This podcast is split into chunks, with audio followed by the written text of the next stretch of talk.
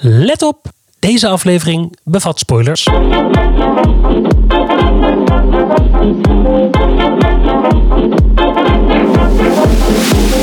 Ik vind hier iets van. De podcast met discussies zoals je die in de auto voert. Of in de trein, Of op het terras. of in een bubbelbad. Of overal dus. En het gaat over... Over... Over musical.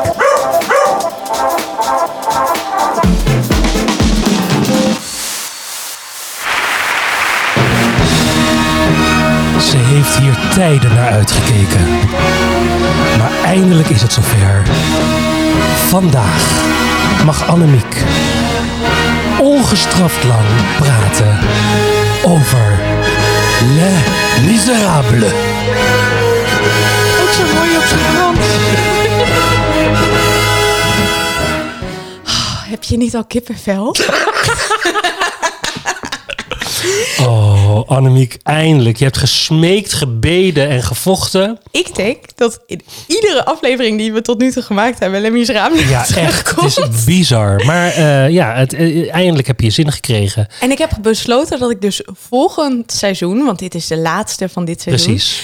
Ehm, ga proberen om niet iedere aflevering Les Miserables te noemen. Nou, wat een goed streven. Nee, Ik ben helemaal voor. Voor mij gewoon echt de ultieme, ja, de ultieme. De ultieme musical. ja. We hadden nummer twee vorige week, of tenminste vorige keer. En, eh, En vandaag gaan we het hebben over Les Miserables. Ja, en ik heb dus ook gezegd, ga jij maar gewoon de lead nemen vandaag. Want eh, ik heb hier naast me mijn hele museum uitgestald staan. Ja, het en het is eh, echt waar. Ja. Ik heb het boek herlezen. Ik, ik Ze denk heeft dat echt ik haar best gedaan. Laten we het daarop houden. Ik denk dat ik hier zoveel over kan zeggen. Ja, dat we gewoon veel langer dan een uur gaan praten. Dus eh, it's all yours, Ben. Nou, leuk. Laten we beginnen bij het begin. 1980. Parijs. 1980. Oh, zo.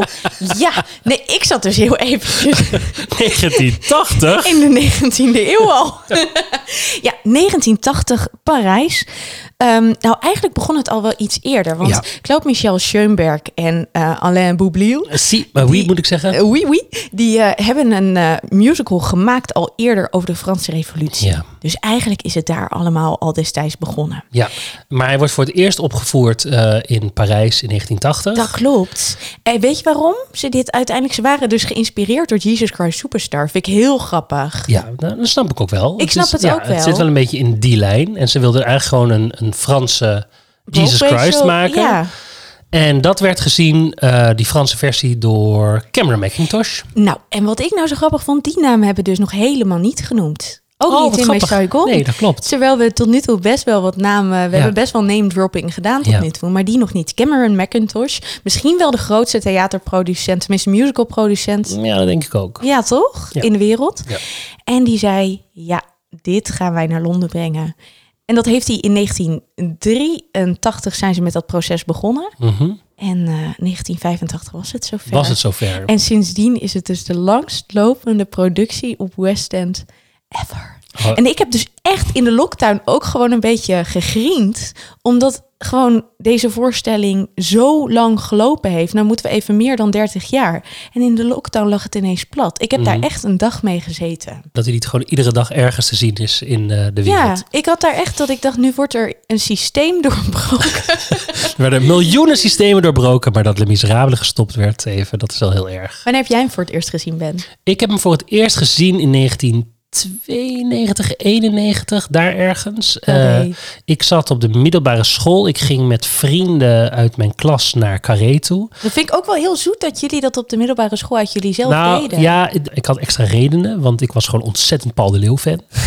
en die speelde Terna J. Dus voor mij was dat echt, daar ging ik eigenlijk voor. En toen, toen ik dat zag, maar vooral de rest zag, dacht ik, waarom heb ik ooit aan Paul de Leeuw gedacht? Maar deze musical is fantastisch. Paul de Leeuw was ook bijna niet aangenomen omdat hij te jong bevonden werd Exact, voor de ja, rol. exact, ja. ja. Eh, Ik heb hem als eerste gezien, eh, ja, aangezien je het niet vraagt.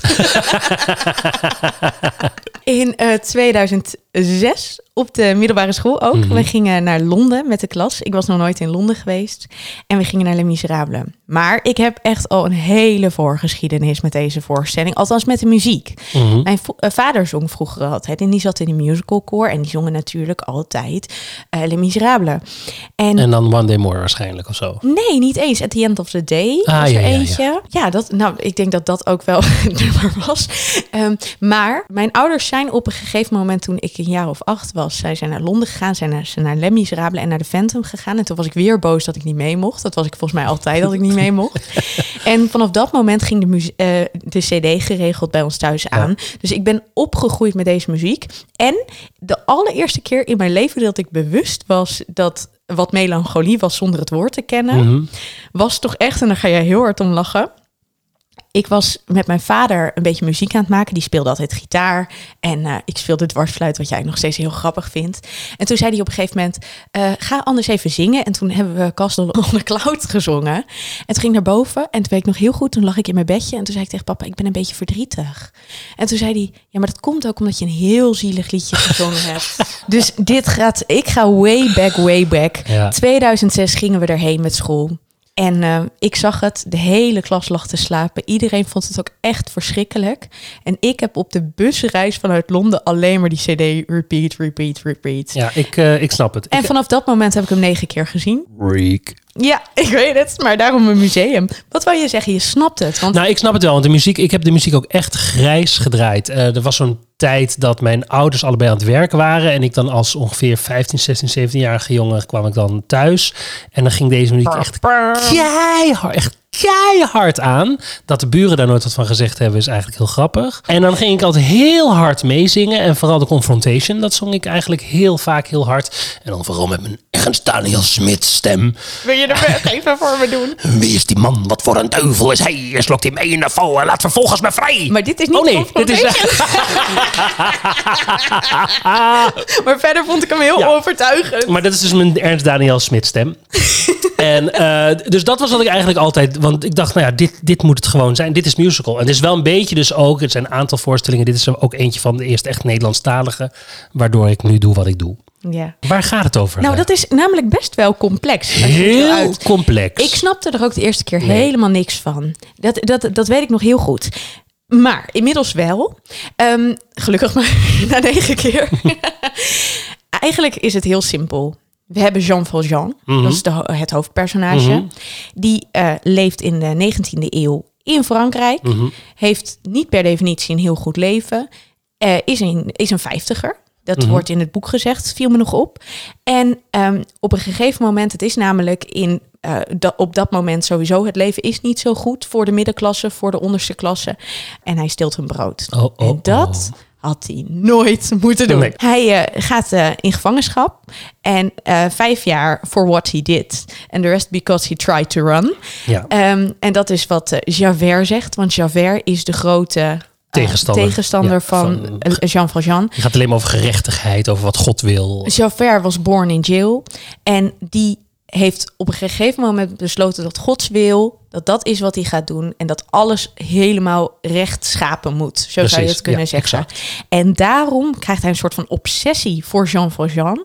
Want Jean Valjean probeert zijn leven weer op te bouwen als hij na 19 jaar uit jail komt. Mhm. Maar Jean Valjean die heeft een gele brief, waardoor hij nooit helemaal van zijn verleden afkomt. Precies. Die moet hij overal laten zien waar hij komt. En dan mag hij vervolgens nergens slapen, dan mag hij nergens werken, dat mag allemaal niet. Arme Jean. Ja, arme Jean. En Javert, die vindt dat allemaal hartstikke terecht. Terecht. Ja. Wat Jean Valjean doet, hij scheurt zijn briefje. ja. Ja, en daarmee denkt hij dus weer een vrij leven te kopen. Maar Javert denkt daar anders over. Ja. Ja, Dat is die, het. die blijft hem de rest van zijn leven. Eigenlijk is Javert het gele briefje van Jean Valjean... die hem de rest van de tijd blijft Achtervolgen. achtervolgen. Eigenlijk is dit waar het over gaat.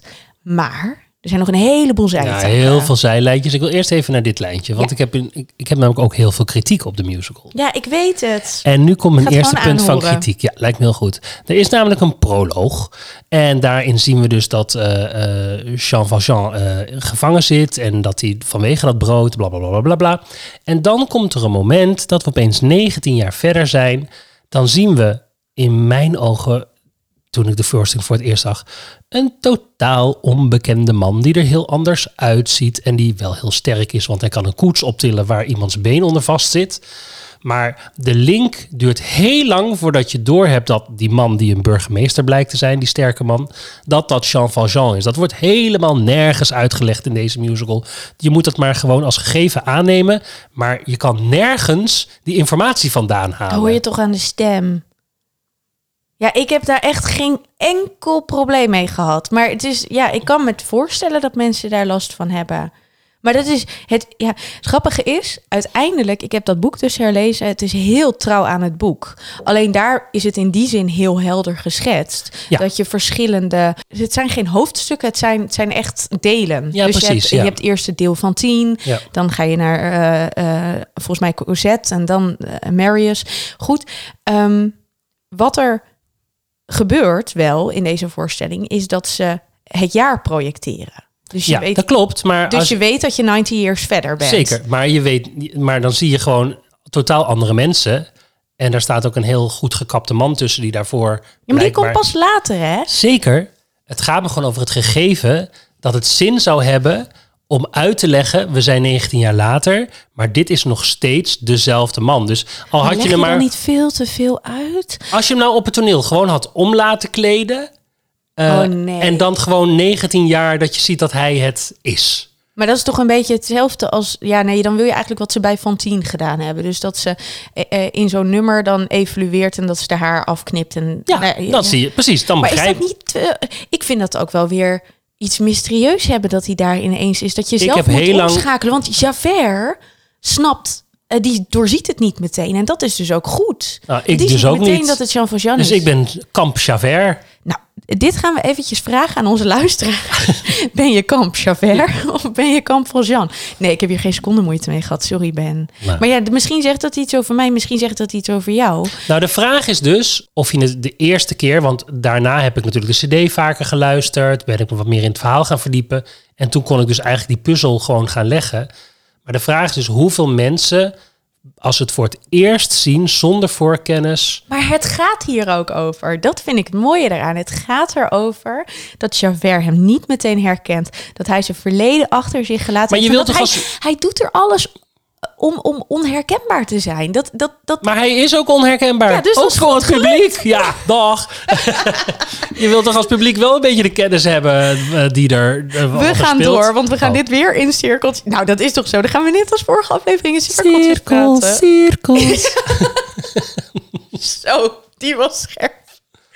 Goed, eh, maar je wilde, wil je het verder nog hebben over Jean Valjean en Javert? Nee, daar, ja, nou dit ja, is even kunnen- wat jij wilde zeggen. Precies, dit is even wat ik wilde zeggen. Jij mag weer even naar je volgende personage, want je wil denk al deze personages doornemen. Nou, nee, nee, niet helemaal. Maar ik lijkt wil het een beetje want we hebben iets heel belangrijks nog niet genoemd. En dat is namelijk de studentenopstand, waar het uiteindelijk allemaal over gaat. En dan gaan we ook naar de naam. In het Nederlands noemen ze het de ellendigen. Ellen, ja, ik wou kijken of er niet... ellendelingen, denk ik. Nee, ellendigen. Oh, maar dit is wel een oude eh, vertaling. Vertaling. Waar ik naartoe wil, is je hebt dus allemaal personages. En die komen allemaal samen uiteindelijk rond die studentenopstand. Dat is het, het grote verzamelpunt, zou Waarbij goed zeggen. eh, duidelijk gezegd moet worden dat dat dus niet de Franse revolutie is. Zeker niet. Dit waarbij was heel veel mensen, 1832. precies, waarbij heel veel mensen denken Ja. dat het over de Franse revolutie gaat, maar die is echt eh, bijna 60 jaar later. Ja, want daar heb ik nog een leuk weetje over. Maar in dat boek, en daar zit ik nog steeds een beetje mee, is het namelijk zo dat in de Franse Revolutie de vader van Marius, Marius,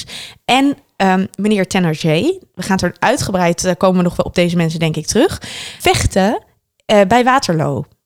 Dus niet de Oh Franse nee, dat is revolutie. niet de Franse Revolutie. sorry. 1818 toch? 1818, Waterloo? Ja, ik, precies. ja. Oh, sorry. Nou ja, dat, dus inderdaad niet de Franse Revolutie, Waterloo laat. En ehm, uiteindelijk redt Thénardier het leven van... Nee, nee, ho. Dit gaat helemaal niet goed. Jawel, ik heb het net gelezen. Waterloo is 1818. We hebben dus 1732, we hebben 1789, dat is de Franse revolutie. ja. Dat was de bestorming van de Bastille. Ja, Nee, maar we gaan, het, we gaan nu niet deze. Want als, we- we kunnen echt een podcast maken over wat er allemaal gebeurd is. Wat belangrijk is om te weten. En dat wou ik nog heel eventjes zeggen over dat bij Waterloo gevochten is door Thénardier en eh, door ehm, de vader van de Marius. vader van Marius. En eh Thénardier redt het leven van de vader van Marius. En de vader van Marius die geeft op een gegeven moment een briefje aan zijn zoon. eh, met daarin van als je ooit Thénardier eh, tegenkomt, dan moet je alles voor die man doen, want die heeft mijn leven gered. En dit zit niet in de voorstelling. Ik vind dat zo mooi gegeven. Ik vind dat dat geeft een stukje extra dramatiek.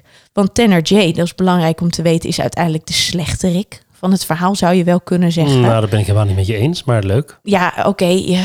Het, is de, het is de hosselaar. Het is de opportunist. Het is de opportunist. Het is eh, de dog eats the dog. Mhm. hij, eh, hij doet er alles aan om. Het is de, de regelaar van Missagon. En met een grappige noot. En dan heb je dus de vader van Marius. En eh, Marius, die is een van de studentenstrijders, zeg maar, die op de barricades gaat staan. Eh, maar die twijfelt daar op een gegeven moment over, omdat hij verliefd wordt op Cosette. En Cosette is dan weer de stiefdochter, zou je kunnen zeggen, of de aangenomen dochter, dat is een mooie woord, Mhm. van Jean Jean Valjean. Ja. Nou, en wat het mooie is, uiteindelijk ehm, is Eponine, de dochter van Thénardier, is hartstikke verliefd op Marius. Mhm. Dus er zit daar, er wringt daar van alles, omdat er en en zeg maar, zij hebben dat allemaal denk ik weggelaten, omdat het anders weer te complex Dat wordt. denk ik ook. En omdat dit boek al gewoon super dik is en je, ja, je moet op een gegeven moment gaan schrappen. Maar ik vind het gegeven zo, eh, zo, zo mooi dat ik denk van ja, er is ook een moment waarop Marius ehm, hartstikke dood lijkt te zijn en Thénardier hem bijvoorbeeld gaat bestelen. Als je dit gegeven weet, dan zit er gewoon van alles achter. Ik, ja, Kijk, voor mij is het zo dat de, ehm, er, er eigenlijk is er zo'n overkill aan personages in dit stuk. een beetje als Hamilton eigenlijk. Ja, precies. En je wil iedereen aan het woord laten en iedereen zijn plek geven. Ik vind het ook echt een nadeel van deze voorstelling. Dat het, er zijn zoveel mensen, zoveel lijntjes waar je allemaal wat, wat mee moet doen. Waar, Maar het komt uiteindelijk heel goed samen. Want dat is echt wel... Ja, ook omdat het stuk, net zoals het boek overigens, gaat over 50 jaar levens. Ik snap heel goed dat jij dat zegt, maar ik vind de opbouw juist alweer heel goed. Want het begint vrij rustig. Hier heeft Ja, Annemieke Jean echt een enorm lange uitleg over deze musical. Maar ik heb besloten dit gewoon een beetje fast forward vooruit te spoelen. En dan pakken we het zo meteen gewoon weer op het gesprek waar we het wel weer kunnen volgen. Maar ik merk zelf dat ik die met al mijn kennis naar je luister, met al deze kennis, echt, ik haak zo af op dit verhaal qua. En ik snap dus ook dat een klas met 15-jarigen in Londen de helft ervan in slaap valt. Ja, iedereen vond het Wat verschrikkelijk. verhaal vertelt, eh, betreft. Want ik wil het heel graag hebben over bijvoorbeeld de muziek. Mhm. Wat is er zo bijzonder aan deze muziek? Nou, ik zou in eerste instantie zeggen dat ehm, het, het een beetje het volkse en misschien daarin ook bombastisch is. Maar ehm, bijvoorbeeld Do You Hear the People Sing is echt een strijdlied. Mhm. Ik vind het heel kloppend bij de thematiek. En ik vind het ook alle solo's, want eigenlijk hebben alle personages wel echt een, Een een, lied, solo. ja. ehm, die ook heel kloppend zijn bij de personages. En ik vind, ze, ik vind het gewoon heel melo, eh, melodieus. En ze hebben ook de hele tijd leidmotiefjes. Ja, wat de, eh, wat de muziek voor mij zo interessant maakt, dit is eigenlijk de eerste wat modernere saus die eigenlijk nog steeds accept- acceptabel is. Je hoort ook in akkoordenschema's dingen die daarna heel veel herhaald zijn, maar bijvoorbeeld het dalende baslijntje. eh, dat zit er heel veel in, eh, wat bijvoorbeeld in One Day More de hele tijd zit. Dat het De leidmotiefjes. Daar wordt alles op gezongen. En deze musical is gemaakt rondom dat thema ongeveer. Dus alle nummers passen op een of andere manier in dat dalende baslijntje. Maar dat is inderdaad niet het leidmotief. Nee. Het leidmotief is gewoon dat iedereen eigenlijk wel een melodietje heeft wat bij het personage precies. blijft. Maar ja. de- dus de puzzel van deze musical zit echt heel goed in elkaar. En eigenlijk sindsdien probeert iedere musical een One Day More-achtige pauzefinale te schrijven. Waar al die me- melodieën bij elkaar komen en in één blok passen. En ik heb eigenlijk sinds One Day More niet een betere pauzefinale gehoord dan dat, dat dit nummer dat is. Ja. Eh, maar dus dat is, dat, dat is wat er heel knap aan is. En sindsdien eh, hoor je dat dus ook. Hoor je dat in andere musicals dus ook eigenlijk altijd terugkomen. Dus proberen daar wat Het is een meesterwerk. Ja, precies. Het is echt heel muzikaal, heel goed geschreven. En wat zo, wat zo briljant er ook aan is, het is natuurlijk helemaal do- doorgecomponeerd. Ja. Dus echt alles is gezongen. Ja. En daarmee, het is opera zonder dat het opera is. ja, maar het is ook niet Want spel is wel ook belangrijk hier. Ja, maar het is ook niet altijd lekker gesproken. Maar dat, Eh, ja. Want dat is wat er, wat er moeilijk aan is. Als je bijvoorbeeld kijkt naar Harry Banning. Die heeft altijd geprobeerd om echt de zin die je normaal gesproken spreekt, die melodie te volgen. Terwijl als je bijvoorbeeld naar Les Miserables, de, eh, volgens mij... tja, da da da da da da da, pa da da da da da da da, ja da da da da da da da da. ja, dat dat- is de confrontation. Ja, eh, zo praat eigenlijk natuurlijk niemand. Nee. Die praat niet zo tegen jou. Ja, en dat is ook bij de vertaling En natuurlijk. precies, met een vertaling maakt dat het dubbel moeilijk. Dan ga je het Ja. echt heel erg horen. Dat Ja. snap ik wel. Want dat is iets wat je in het Engels veel meer accepteert. Maar het is een Frans stuk. Dus Ja, eigenlijk klopt. is het van het Frans dan weer naar het Engels vertaald. En zit daar dus eigenlijk probleem 1. En wordt dat er nog eens doorhertaald naar het Nederlands. En krijg je dus een dubbel probleem in dat spreekteksten, het parlando-achtige deel. Maar eh, het, de versie van 1980 is niet helemaal één op één met de versie van 1985. Dus er is echt nog veel aan Zeker, musicals. absoluut, eh, er absoluut, zijn ja. echt nummers anders Ja, geplaatst. en gedaan. Dus waar. dat, dat Daar is de voor een deel, er nog precies, niet. voor Ja. een deel is dat aangepast. Maar dus hele dat recitatieve-achtige deel waarin spreekzang is, dat is wel altijd een Maar ik ga nu iets begrijpen. Ik ga nu echt iets begrijpen. Want ik weet hoe erg hekel jij hebt aan de filmversie. Ja, Tom zeker. Hooper. Ehm, en ik heb daar veel over nagedacht de afgelopen Mhm. week. Omdat ik dacht, nou, daar gaan we het sowieso nog eventjes over hebben. Mhm. Ehm, ik weet dat jij, het echt, dat jij daar echt van wacht. Maar wat mijn focus had, is dat jij per definitie degene bent. En dan komen we ook een beetje bij Harry Banning. Die zegt van, als we een musical maken... dan wil ik dat het goed gespeeld wordt. Mhm. Of het wordt al gauw toch de opera. Ja. Dat iemand het waanzinnig gaat zingen. Of het wordt Anne Hathaway. En dan is dus de eigenlijke vraag: is Les Miserables als musical niet toch een gedateerd stuk geworden? Want het kan alleen maar eigenlijk op de bijna opera-achtige manier gebracht worden en niet meer. Maar mag dat niet soms gewoon zo Ja, zijn? zeker, dat mag. Ik, want ik Want denk ik vind namelijk, het het toppunt van schoonheid. het, het- ik vraag me af in hoeverre je dit nog meer naar spel kan brengen zonder de musicaliteit te verliezen en zonder dat het alleen maar een soort van pathetisch drama wordt. Wat dat betreft is de film een heel interessant experiment ja, geweest. zeker. Ik denk dat er in casting misschien ook nog wat dingen anders hadden gekund. Ja. Maar ehm, wat ik, waar ik nog over na zat te denken wat betreft de film, is dat ik dacht van ja, maar Victor Hugo, die hebben we nog helemaal niet genoemd. De schrijver van het boek. Dat was per definitie een realist. Dat was iemand, en dan niet een realist in de zin van dat hij alles heel realistisch zag, maar gewoon die zijn boek gaat over het beschrijven van mensen zoals ze zijn. En het niet, eh, eh, zeg maar, als tegenhanger van de romantiek, het niet mooier maken dan het is. Niet opsmuk geven, wat natuurlijk op een bepaalde manier in deze musical wel aan de hand is. Mhm. Maar ik dacht bij deze film, eigenlijk is het gewoon heel realistisch gedaan. En ik vind het daardoor op een ja, en daarmee vind ik het op een bepaalde manier heel passen. Maar daarmee komt denk ik ook juist de absurditeit van dat ze gaan zingen eruit. Klopt, dat is helemaal waar wat je zegt. Dus eigenlijk hadden zij, is het een heel interessant experiment geweest. Ja. Ik heb hier ook verschillende eh, verfilmingen van Les Miserables van het verhaal zonder dat het een Mhm. musical was. En dan, dat is fantastisch. Dat Ja. mag bestaan. Maar Ja. als musical, als deze musical, kan dat gewoon niet. Voor we verder gaan. Annemiek, heb jij eh, wel eens gehoord van de Makerspodcast? Ik wel. Ik denk uh, Claude Michel Schoenberg en Alain Boublil niet. maar die, die zijn makers en die waren Zeker. ooit ook jonge makers. Zeker. En eh, zo kan je altijd als jonge maker zoeken naar middelen waardoor je je kan laten inspireren, waardoor je kan proberen nog een betere maker te worden. Nou, en als we dat nou allemaal gaan luisteren, gaan mensen zoals Claude Michel Schoenberg en Alain Boublil op een gegeven moment ook naar de Makerspodcast luisteren. Of probeer de nieuwe Boublil of Schoenberg te worden door je te laten inspireren door eh, hoe andere mensen dingen maken. nou, kijk, dat gaan we doen. Ga lekker luisteren naar de Makerspodcast. Van Die de Vonk. En dat hoor je op de Makerspodcast. En kijk ook even op voor we verder gaan. .nl.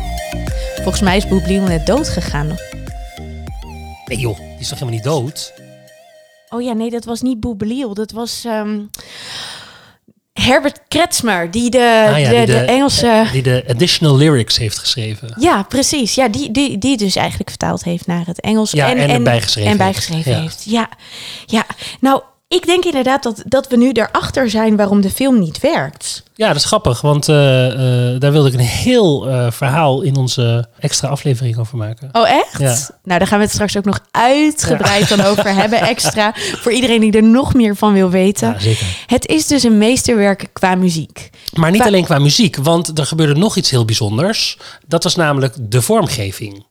Ik vroeg aan mijn lief, want toen, m- ik ben weer eventjes een soort van dominante vrouw geweest. Ik zei, als je met mij bent, moet je een keer mee naar Les Miserables. dus dat hebben we gedaan in Londen. Toen zei ik gisteren tegen hem, wat herinner je nog van de voorstelling? Toen zei hij, oh moeilijk. En toen herinnerde hij, hij vond het decor, en ik snap het dus ook, heel sober. Mhm. Maar ik zei, herinner je die waanzinnige barricades dan Mhm. niet? Zei hij, nee. Nou, daar snapte ik toch helemaal niks van. Nee. Dat is toch het hoogtepunt. Als je dat changement, noem het dan maar Changement. gewoon changement. ik kan het niet uitspreken. Als je dat hebt en dan hoor je eh, dat ze in Parijs zijn. Tam, tam, Ja, eh, tam, look down, look, ja. En dan komen die twee zo vanuit de coulissen zo. En die draaien op een gegeven moment al zo in elkaar. Dat is toch prachtig. Hij herinnert het zich niet. Nee. Jij wel, toch? Mag ik Ja, hopen? zeker, zeker. Nee, voor mij was het vooral de draaischijf. Dat was natuurlijk niet helemaal Ja. nieuw tegen die tijd, of in die tijd. Maar dat vond ik echt wel een enorm goede vondst. En ook hoe ermee omgegaan Nou ja, wordt. vooral dat dus inderdaad. Dat het dus niet alleen maar gebruikt werd voor technische changementen, maar dat het heel erg ging over dat je dus kan wandelen en op je plek kan blijven. Dat je de cirkels waar je in verdwaald raakt, letterlijk dat je erin kan wegdraaien. Eh, de dood van eh, Javert, dat hij aan het eind op de grond valt en wegdraait en dus de scène in verdwijnt. Dat is allemaal echt heel goed gedaan. Ja, en wat dat betreft is het zo jammer dat wij allebei de nieuwe versie nog, Nog niet hebben gezien, ja. Oh, want daar, ik ben wel heel benieuwd. Maar ik heb dus ook een beetje buikpijn. Want ik vind, ik vind dit namelijk, zoals die was, zo ontzettend goed. En dat, dat is zo mijn lievelings in alles. Dat ik het eigenlijk best wel een beetje spannend vind om een nieuwe ansenering te gaan kijken. Weet jij er iets van? Nee, eigenlijk helemaal niks. Misschien moeten we het even gaan kijken in september als we naar Londen gaan. Eh, Meen je dit? Nou, niet echt. Maar Je moet me niet blij maken met een dode mus. maar het grappige is, verder is het qua... Kijk, qua decor zit het gewoon super slim in elkaar. En ik snap wel dat Tom, mijn lief, zegt dat het minimaal is... terwijl dat het eigenlijk helemaal niet is. nee, waar het over gaat, dat je met, met kleine middelen groots effect haalt. En dan heb ik het even los van de barricade, want die is echt best wel groot. Ja. Maar voor de rest is het, als je van de brug van, eh, boven de scène wil afspringen, is, komt er een brug, daar stap je af, je trekt de brug omhoog en daardoor lijkt het alsof je valt. Ja. Dat is echt heel simpel gedaan. Maar er is ook bijvoorbeeld de court eh, room, waarin hij wordt vrijgesproken. 24601. Precies, daar, daarin wordt uiteindelijk een gordijntje opgehouden Ja. door twee mensen. En er zit iemand op een nou, bijna krukje achter die roept... eh, ja, dat is de straf of de vrijspraak. Ja, en twee En- advocaten Precies, ernaast. en dat is het. En, dus, en het gaat allemaal heel snel. En wat ook zo mooi is, is dat iedereen van de cast alles speelt. Ja, Dus bijvoorbeeld die rechter waar we het net over hebben, dat is verderop in het stuk opeens Angela, die daar dus eigenlijk pas een rol krijgt, maar voor die tijd ook onderdeel is van het ensemble. Dus het is en echt van tien ook, hè? Want die, Precies, die ja. gaat na 20 minuten dood. Ja, nou ja, die kan de rest van de tijd ensemble in. precies Ja. in de kleedkamer blijven zitten, maar dat gebeurt niet. Nee, en dus iedereen, en dat is ook wat ze uitstralen, ook bijvoorbeeld in de buiging altijd, we doen dit met elkaar. Dat is het is natuurlijk echt heel een erg. ensemblestuk. Ja, en dat is om dan toch nog even de, de, de Franse revolutie erbij te pakken. Dat broederschap, dat met elkaar samen strijden, dat, dat zit daar heel erg in. En alles proberen ze dat te verkopen. We gaan dit met elkaar doen, we doen dit met elkaar. Niemand is beter of eh, groter dan de ander. We hebben een gezamenlijke taak, in dit geval om dit verhaal te vertellen. Denk je dat dit dan ook de kracht van de voorstelling is? Want in Londen is het in eerste instantie heel slecht ontvangen door de pers. Maar binnen de kortste keren zaten de zalen niet zozeer vol, maar was er genoeg animo en ook genoeg dus om op een gegeven moment naar Broadway te gaan. Het, het is een stuk dat niet voor de pers gemaakt is. Het is een stuk dat op een nieuwe manier ontwikkeld werd. Wat eigenlijk op een hele, zeker de eerste versies, bijna Franse elektronische muziek, maar dan jaren tachtig elektronische muziek, werd gemaakt. En gewoon die hele saaie, ouderwetse, conservatieve recensenten in Engeland, die wilden gewoon hele heldere, Gershwin-achtige muziek. En daar paste dit helemaal niet in. En ze vonden Andrew Lloyd Webber al eigenlijk te heftig. Ja, want ik zag dat Starlight Express een jaar daarvoor in Londen stond. Ja, wat precies. weer een totaal andere Ja. voorstelling natuurlijk Maar is. ook helemaal de grond Ja, ingeschreven wat precies. dat betreft. Maar het volk, en Ja, daar is deze is musical het. natuurlijk ook het voorbeeld van. Het volk bepaalt. Ja, ik denk ook dat ik het daarom toch zo mooi vind. Ja, vanwege het volk. Ja, vanwege het. Nee, maar gewoon vanuit die gezamenlijkheid en van staan voor, voor, wat, je, voor wat je vindt. En, en, en eh, Tegen elke prijs? Ja, weet ik niet. Want dat vind ik dus ook heel mooi. Want dat is een goede vraag. Dat vind ik dus ook wel echt heel mooi in dit stuk. Dat je dus, je hebt Enjolras die je tegen elke prijs zou gaan doen. Mhm. De studentenleider. Marius, die twijfelt eventjes, want die heeft inmiddels ook een liefje thuis Ja, zitten. Precies. Ehm, je hebt Jean Valjean, die eigenlijk niks te maken heeft met al die opstanden. Nee. Maar die wel voor het liefje van zijn dochter wil gaan knokken. Ja. En zo heeft iedereen op een gegeven moment... en ook als je het boek leest, dan hebben sowieso... en dat komt in bijvoorbeeld eh, Drink With Me of zo... Mhm. wordt er ook wel naar voren... heeft iedereen ook zijn eigen redenen om te gaan vechten... om dit te doen. Maar ja, het... Ja, ik weet niet of ik het tegen elke prijs zou doen. Dat, dat is echt iets. Dat, dat is gewoon. Dat kan je volgens mij niet zeggen totdat je dingen meemaakt. Maar wat ik heel mooi Precies. vind eraan. is dat je gaat begrijpen waarom het nodig is. en waarom, waarom mensen op een gegeven moment toch dit soort stappen gaan zetten. Nou, en wat interessant is, misschien ook wel leuk als poll om eh, in onze Insta te zetten, is wat zou jij doen? Wie zou jij zijn als jij in een oorlog terecht zou komen? Zou je een, een, een held zijn? De, de zuiplap. Ja. Maar zou je een held zijn? En wie zou je ook willen zijn? Want dat zijn ook natuurlijk weer twee verschillende dingen. Eigenlijk is dit hetzelfde verhaal als Soldaat van Oranje. Eh, je weet pas wat je gaat doen als je erin zit. En je kan dromen dat je een held bent. Maar puntje bij paaltje ben je misschien inderdaad wel een grantair... die gewoon een beetje drinkt en wacht tot de boel voorbij is. Nou ja, en, en wat ik dan dus heel, weer heel mooi vind, is toch empty chairs en empty tables. Mhm. Waarin gewoon eh, op een gegeven moment, eh, dan zeg ik Jamai en jij zegt Danny de Munk. was het alles waar te ja, sterven? Ja, precies. En waarin ze dan zo op de achtergrond, ja, ik kan dan al niet meer hoor. Dan, maar ik ben voor die tijd, zit ik al te janken. Ja, maar precies. Want even los van jouw tranen en jouw sentiment... is het natuurlijk wel echt een hele goede vraag... Ja, voor hoe ver wil je gaan? Dat kan je zelfs plakken op de oorlog in Oekraïne nu. En eh er kan wel een president Zelensky zeggen: je moet nu eh, de geweren oppakken. Ik denk als je dat tegen mij zou zeggen. Ik, ik weet niet of ik het kan. Ik weet echt oprecht niet of ik het kan. ik ook niet. Echt en, niet. En dus, nou ja, dat soort afwegingen. Hoe vecht je voor je recht, voor je bestaan? Op welke manier doe je dat? Doe je dat als een Ternadje, dat je alles een beetje achter de schermen wegrijdt? Of doe je het alleen maar door het pad van God te volgen, zoals Javert? Of probeer je gewoon voor je gezin te knokken, zoals Jean Valjean dat doet? Ja, dat is allemaal natuurlijk het is interessant om daarover na te denken. Zeker. En, en, en ook bijvoorbeeld, je hebt natuurlijk ook de kleine Gav- Gavroche. Gavroche. Ik, ik kan echt geen Frans komen nu achter. Heb je ook nog die ja, gewoon met grote jongens mee wil doen. Ja, En dan uiteindelijk daarin ook zijn noodlot vindt. Ja, het is echt. En het loopt natuurlijk ook verschrikkelijk af. Eigenlijk voor iedereen behalve Cosette. En dan ook wel een beetje, want uiteindelijk gaat Jean Valjean dood. Maar ja, ze heeft Marius. iedereen die het overleeft, gaat met littekens door. Dat is eigenlijk een beetje wat het is. Maar ik vind niet per se dat het, dat het een negatief einde heeft. Ik vind dat het eigenlijk heel hoopvol eindigt.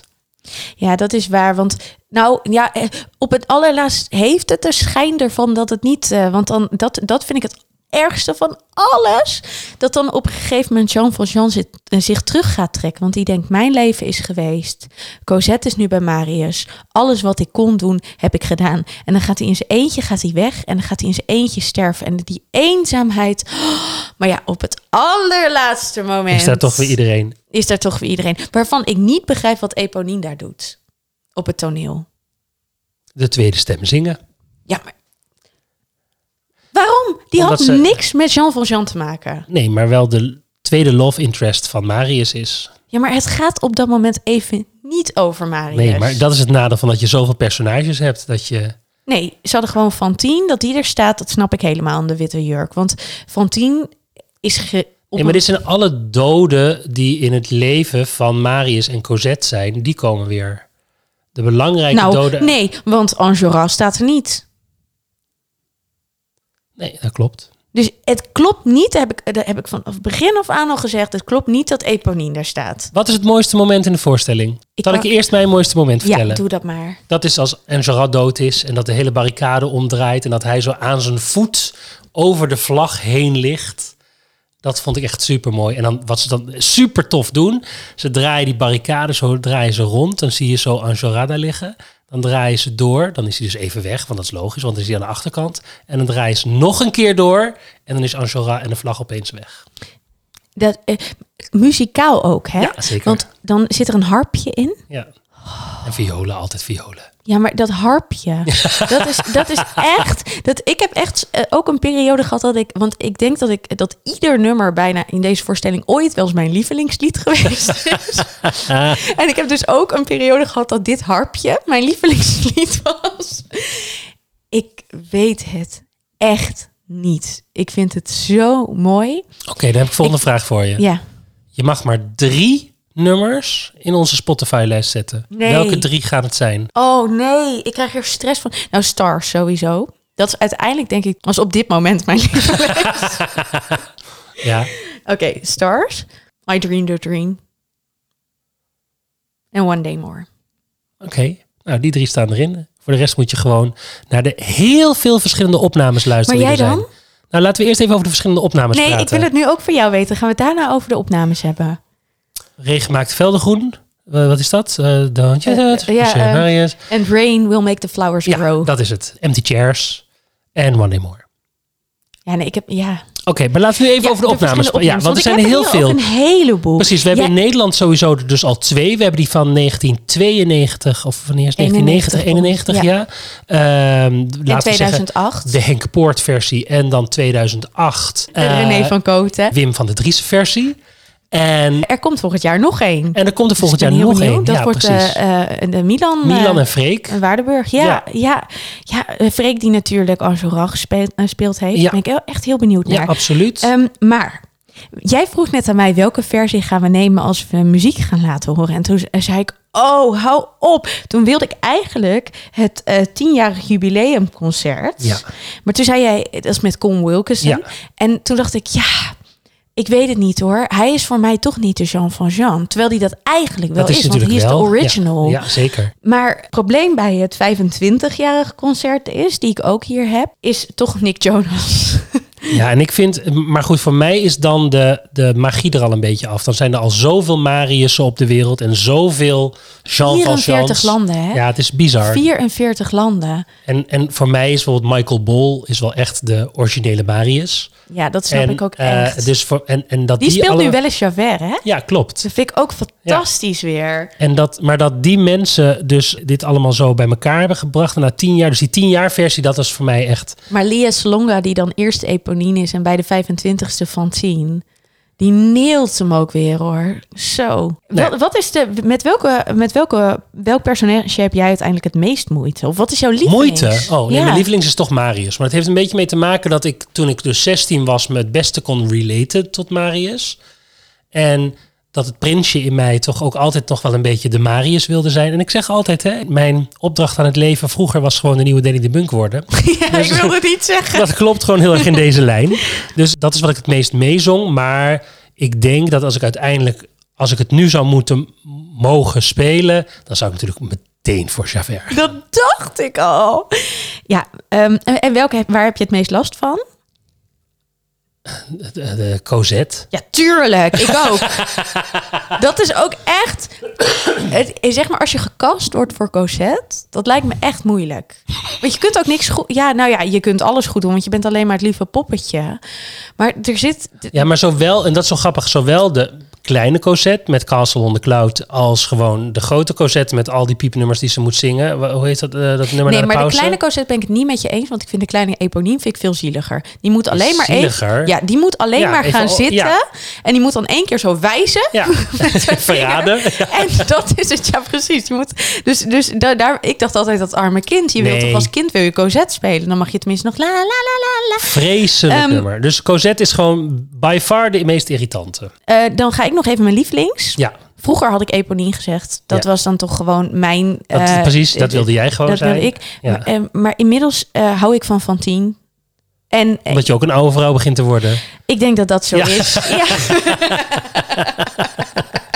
Ja. ja, ik denk het toch. Ja. Maar, eh, maar ik moet je wel zeggen dat ik altijd geroepen heb dat de mannenrollen in deze voorstelling over het algemeen interessanter zijn. Maar Zeker, dat is ook zo. Ik, ik heb voor Fantine toch wel ook wel een zwak hoor. Die heeft tenminste nog een beetje pit. Ik vind eh, bij Eponine... Ik vind helemaal niet dat ze pit heeft in deze musical. Ik vind, maar dat geldt voor eigenlijk alle Ze vrouwenrollen. spuugt hem in het gezicht. Ja, en het zit hem toch allemaal in zwelg. Ja, maar weet je waarom? Omdat dat de rol van de vrouw destijds was. Ja, dat is, niet- nee, ja, ik ben het er helemaal mee eens. Maar het is allemaal, ze zwelgen. Ik had een beter leven gedroom, eh, gedroomd. Ik, heb, eh, ik wilde een prins en die prins is niet gekomen. En eh Eponine zegt uiteindelijk ook... in mijn eentje ben ik niks waard, waar ben je toch voor me? Al die vrouwen die zeggen alleen maar... wee mij, red mijn man, zorg dat mijn leven wel waarde heeft. Ja, precies. Dus dan is Javert uiteindelijk... Ja, Javert. Javert. Ja, en Javert is in die zin ook een weinig ontwikkelend personage. Kijk, Jean Valjean is eigenlijk de enige die echt ontwikkelt. Maar die is de enige die mij uiteindelijk ook het allermeest ontroert. Want dat zeg ik dus op het einde. Ik heb, ver, ik heb wel eens de voorstelling gezien dat ik niet al de hele tijd zat te huilen. Maar op het einde, ja precies.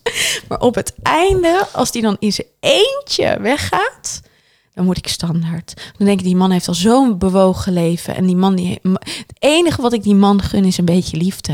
Dan ben ik heel blij dat uiteindelijk Cosette komt. Ik vind dat je eigenlijk helemaal niet zo heel kritisch geweest bent. Eigenlijk Nou, ben jij best een Les Miserable Nee, liefhebber. ik, ik kan daarbij zeggen, ik heb gewoon dit keer de ruimte niet gekregen. Want jij bent zoveel aan het woord geweest. Om vooral, maar goed, dat ga ik straks al fixen in de mix.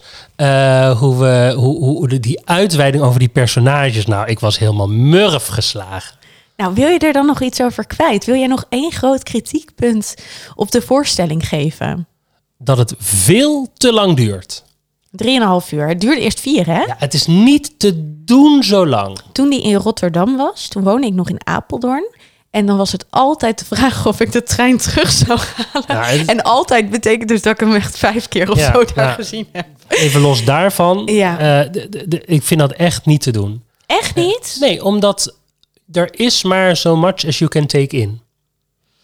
Ja, maar dit is dus wel weer zo'n voorstelling die je echt heel vaak kan gaan kijken, omdat je dingen gemist hebt. En dat vind ik heel fijn. Nou, maar ik ben het dus niet met je eens, want het jaagt dus ook mensen weg. Het zorgt er ook voor dat je na anderhalf uur in slaap valt en denkt, Jezus, Mina, dan moeten we nog twee uur. Maar het is nog steeds een icoon. Mensen komen wel. Ja, maar Het is niet zoals bij de te- Sound of Music, waar je van denkt, nu komen de nazi's nog. Nee, maar mensen komen tegenwoordig dus ook voor het icoon. Dus dat, dat, dat, Ja, het is wel zo dat heel weinig mensen echt een idee hebben waar het over gaat. ja, Heel veel mensen krijgen, dan moet ik echt het is wel... echt wat dat betreft de ouderwetse Hamilton. Je moet echt fucking goed opletten om alle lijntjes mee te krijgen. En je kan ook gewoon gaan zitten en die muziek over je heen laten komen. Prima. Dan is de muziek ook toegankelijk en uitdagend tegelijkertijd genoeg om gewoon daarvan te genieten. En er wordt groot koorzang en mooi en kippenvelmomenten. Maar jezus, wat een lang verhaal. Maar dit is ook weer zo typisch, want dit is precies waarom ik het waarschijnlijk zo geweldig vind. Omdat ik denk, maar nu wil ik ook het boek lezen. En nu wil ik ook de Ja, maar totstandkoming. voor Ik wil het- alles weten. Terwijl jij denkt, nou, ik Schiet wil op. gewoon... Ja, Kom naar huis.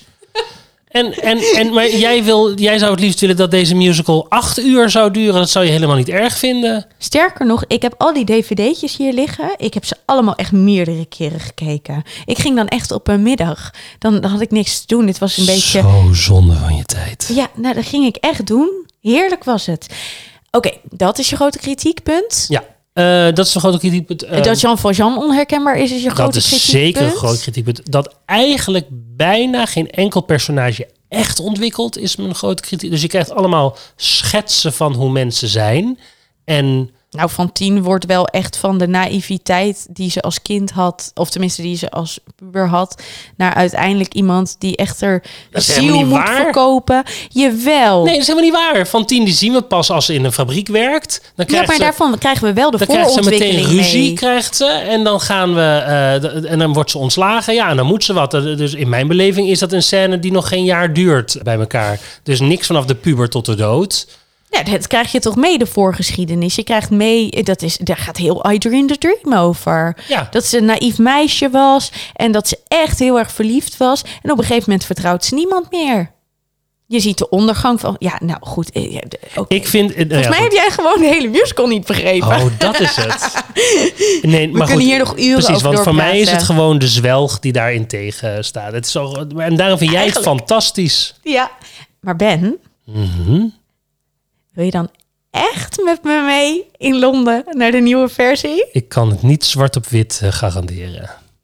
En, en eh, kun je dat ook niet hier even opnemen? Dat je Nee, gewoon ja zeker niet.